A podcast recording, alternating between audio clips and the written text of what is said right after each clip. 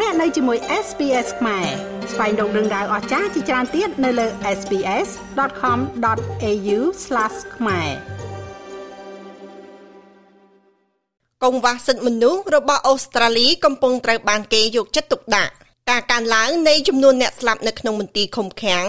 លក្ខខណ្ឌនៅក្នុងពន្ធនាគារនិងមណ្ឌលឃុំឃាំងនិងនឹងភាពអសកម្មរបស់រដ្ឋាភិបាលលើបំរែបំរួលអាកាសធាតុត្រូវបានគេចាត់ទុកជាកង្វះសិទ្ធិមនុស្សដ៏ធ្ងន់ធ្ងរបំផុតរបស់ប្រទេសអូស្ត្រាលីរបាយការណ៍ពិភពលោកឆ្នាំ2023របស់អង្គការឃ្លាំមើលសិទ្ធិមនុស្ស Human Rights Watch គឺជារបាយការណ៍ទី33របស់ខ្លួនដែលពិនិត្យមើលលើការអនុវត្តសិទ្ធិមនុស្សនៅក្នុងប្រទេសជិត100 ការប្រួយបារម្ភអំពីសិទ្ធិមនុស្សដ៏ធ្ងន់ធ្ងរបំផុតរបស់ប្រទេសអូស្ត្រាលីត្រូវបានគេគូបញ្ជាក់នៅក្នុងរបាយការណ៍ពិភពលោកឆ្នាំ2023របស់អង្គការឃ្លាំមើលសិទ្ធិមនុស្សវាគឺជារបាយការណ៍ទី33របស់ក្រុមអ្នកតស៊ូមតិសិទ្ធិមនុស្សអន្តរជាតិដែលពិនិត្យមើលលើការអនុវត្តសិទ្ធិមនុស្សនៅក្នុងប្រទេសជិត100របាយការណ៍បាននិយាយថាបញ្ហាសំខាន់សំខាន់សម្រាប់ប្រទេសអូស្ត្រាលីគឺការកើនឡើងនៃចំនួនអ្នកស្លាប់នៅក្នុងមន្ទីរឃុំឃាំង លក្ខខណ្ឌនៅក្នុងពន្ធនាគារ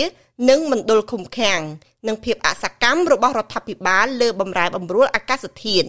នៅឆ្នាំ2022ការបើកបង្ហាញគួរឲ្យរំខានបានលេចឡើងតកតងនឹងលក្ខខណ្ឌនៅក្នុងប្រព័ន្ធពន្ធនាគាររបស់ប្រទេសអូស្ត្រាលីរដ្ឋាភិបាលរដ្ឋនៅភូមិខាងលិចអូស្ត្រាលីបានបដិសេធមិនដំឡើងម៉ាស៊ីនត្រជាក់នៅក្នុងលំនៅឋាននៅឯពន្ធនាគារក្នុងតំបន់ Roburn ទោះបីជាសីតុណ្ហភាពឡើងដល់កម្រិតខ្ពស់បំផុត50.5ដឺក្រេកាលពីឆ្នាំមុន ដែលបង្កហានិភ័យយ៉ាងខ្លាំងដល់សុខភាពអ្នកទោស90%នៃចំនួនប្រជាជននៅក្នុងពន្ធនាគារនៅរ៉ូប៊ឺនគឺជាប្រជាជនដើម នៅក្នុងខែវិច្ឆិកាបន្ទាប់ពីសម្ពាធសាធារណៈពីសេវាច្បាប់ជនជាតិដើមភាគតិចអង្គការឃ្លាំមើលសិទ្ធិមនុស្សនិងអ្នកផ្សេងទៀត រដ្ឋាភិបាលរដ្ឋបានតាមដាន ហើយបាននិយាយថាខ្លួននឹងដំឡើងម៉ាស៊ីនត្រជាក់ប៉ុន្តែมันមានរហូតមកដល់រដូវក្តៅនេះជនជាតិដើមភាគតិចគឺតំណាងយ៉ាងសំខាន់នៅក្នុងប្រព័ន្ធយុតិធធម៌ប្រមត្តនរបស់ប្រទេសអូស្ត្រាលីដោយជនជាតិដើមភាគតិចនិងជនជាតិដើម Torres Strait Islander មាន29%នៃចំនួនអ្នកទោសពេញវ័យរបស់ប្រទេសអូស្ត្រាលីប៉ុន្តែវាមានចំនួនតែ3%នៃចំនួនប្រជាជនសរុបប៉ុណ្ណោះយ៉ាងហោចណាស់ជនជាតិដើមភាគតិច17នាក់បានស្លាប់នៅក្នុងការឃុំឃាំងនៅក្នុងប្រទេសអូស្ត្រាលី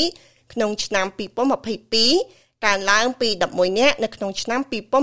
2021 Sophie McNeil គឺជាអ្នកស្រាវជ្រាវជាន់ខ្ពស់នៃអង្គការឃ្លាំមើលសិទ្ធិមនុស្សអូស្ត្រាលី What's really horrifying about many of these issues is អ្វីដែលគួរឲ្យរន្ធត់ចំពោះបញ្ហាជាច្រើននេះគឺយើងដឹងអំពីបញ្ហាទាំងនេះជាយូរមកហើយប៉ុន្តែយើងបិទភ្នែកមិនអើតពើហើយវាកាន់តែអាក្រក់ទៅអាក្រក់ទៅ យើងដឹងពីរឿងនេះអំពីការស្លាប់ជនជាតិដើមភាគតិចនៅក្នុងមន្ទីរឃុំឃាំងយើងដឹងថាវាគឺជាបញ្ហាដែលកើតឡើងជារៀងរាល់ឆ្នាំ នៅទីនេះវាមានការកើនឡើងយ៉ាងខ្លាំងចំពោះអ្នកស្លាប់ ហើយវានៅតែមិនត្រូវបានគេចាត់ទុកជាបញ្ហាបន្ទាន់របស់ជាតិដែលវាគួរតែត្រូវបានគេដោះស្រាយឲ្យបានឆាប់ពួកគេមិនទទួលបាននៃការយកចិត្តទុកដាក់ធនធានឬថវិកាដែលពួកគេត្រូវការនោះឡើយនៅក្នុងប្រទេសអូស្ត្រាលីអាយុអបបរមានៃការទទួលខុសត្រូវច្បាប់ព្រហ្មទណ្ឌតាមច្បាប់គឺអាយុ10ឆ្នាំទាបជាងអាយុដែលទទួលយកជាអន្តរជាតិដែលមានអាយុ14ឆ្នាំ កុមារជនជាតិដើមភាគតិចទំនងជាជាប់គុកជាងកុមារដែលមិនមែនជាជនជាតិដើមភាគតិច20ដងកុមារអាយុក្រោម14ឆ្នាំប្រមាណ444នាក់ត្រូវបានចាប់ដាក់គុកកាលពីឆ្នាំមុន នៅទូទាំងប្រទេសអូស្ត្រាលីលោកស្រី McNeil និយាយថាលោកស្រីសង្ឃឹមថារដ្ឋាភិបាលអាល់បានី នឹងអនុវត្តតាមការសន្យានៅក្នុងពេលបោះឆ្នោតដើម្បីពិនិត្យបញ្ហានេះឡើងវិញ។ The ALP took a commitment to the election ALP បានធ្វើការបដិញ្ញាចិត្តចំពោះការបោះឆ្នោត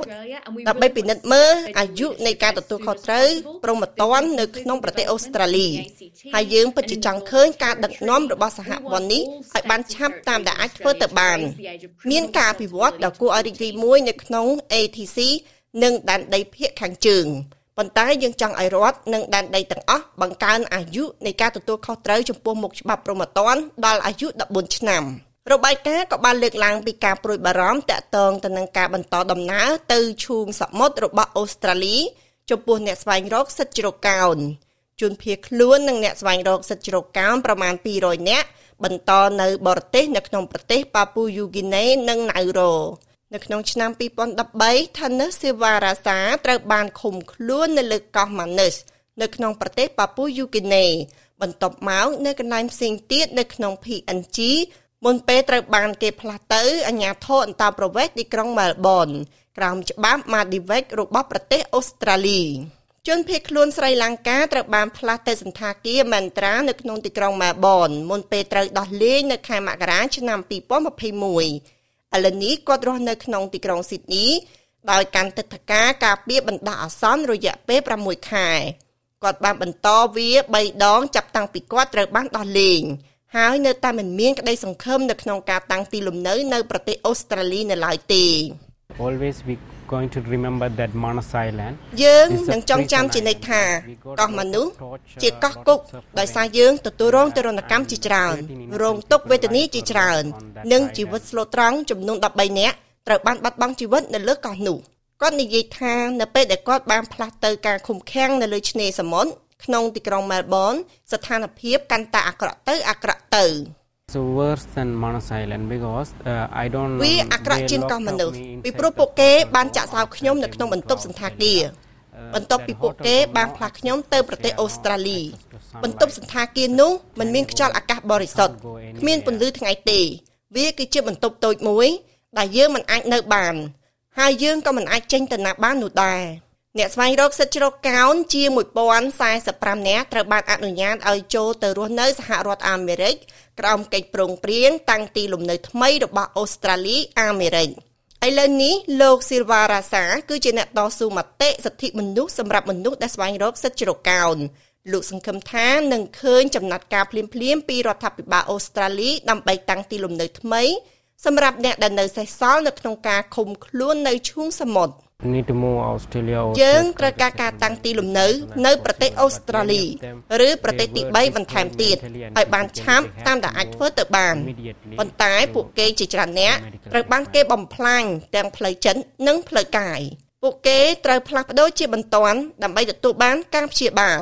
របាយការណ៍នេះក៏បានអះអាងផងដែរថារដ្ឋាភិបាលរដ្ឋ New South Wales បានបំពានច្បាប់អន្តរជាតិដោយបានដាក់ច្បាប់ថ្មី និងការផាកពិន័យជាពិសេសផ្ដោតទៅលើការតវ៉ាអំពីអាកាសធាតុការស្រាវជ្រាវរបស់អង្គការឃ្លាំមើលសិទ្ធិមនុស្សបង្ហាញថាអាញាធរនៅរដ្ឋ New South Wales បាននឹងកំពុងដាក់ទណ្ឌកម្មមិនសមហេតុផលចំពោះអ្នកតវ៉ាអាកាសធាតុក្នុងការរំលោភសិទ្ធិមនុស្សរបស់ពួកគេ ក្នុងការតវ៉ាដោយសន្តិវិធី Sophie McNeil និយាយថាច្បាប់ប្រឆាំងការតវ៉ាថ្មីនៅរដ្ឋ Victoria និងរដ្ឋ Tasmania ក៏បានអំពាវនាវឲ្យមានការដាក់ពិន័យធ្ងន់ធ្ងរចំពោះការតវ៉ាដោយអហិង្សា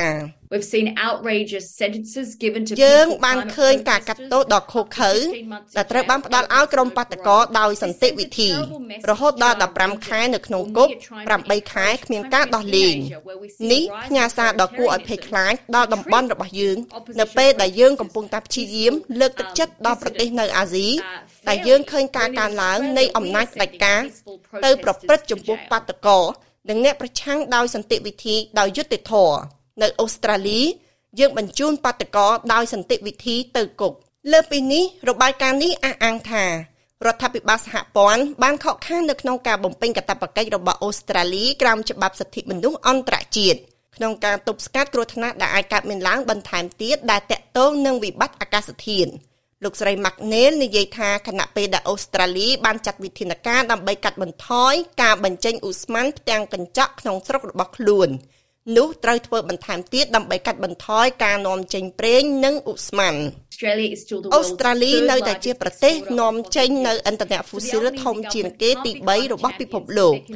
រដ្ឋាភិបាលអាល់បានីមិនអាចក្លាយជាម្ចាស់ជើងឯកអាកាសធាតុប្រសិនបើពួកគេកំពុងបន្តអនុញ្ញាតឲ្យគម្រោងប្រេង និងឧស្ម័នថ្មីបើកឡើងយើងចង់ឲ្យរដ្ឋាភិបាលបញ្ចប់ដោយបន្ទាន់នៅឥន្ធនៈហ្វូស៊ីលថ្មីៗទាំងអស់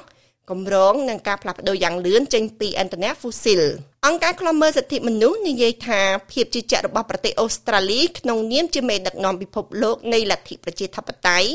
និងសិទ្ធិមនុស្សនៅក្នុងតំបន់មានន័យថាខ្លួនត្រូវតែដោះស្រាយជាបន្ទាន់នៅចំណុចខ្វះខាតរបស់ខ្លួនអត្ថបទនេះរៀបចំដោយ Emma Callaway និងប្រែសម្រួលដោយនាងខ្ញុំ Lau Dane សម្រាប់ការផ្សាយរបស់ SBS ខ្មែរ ចុច like share comment និង follow SPS ខ្មែរនៅលើ Facebook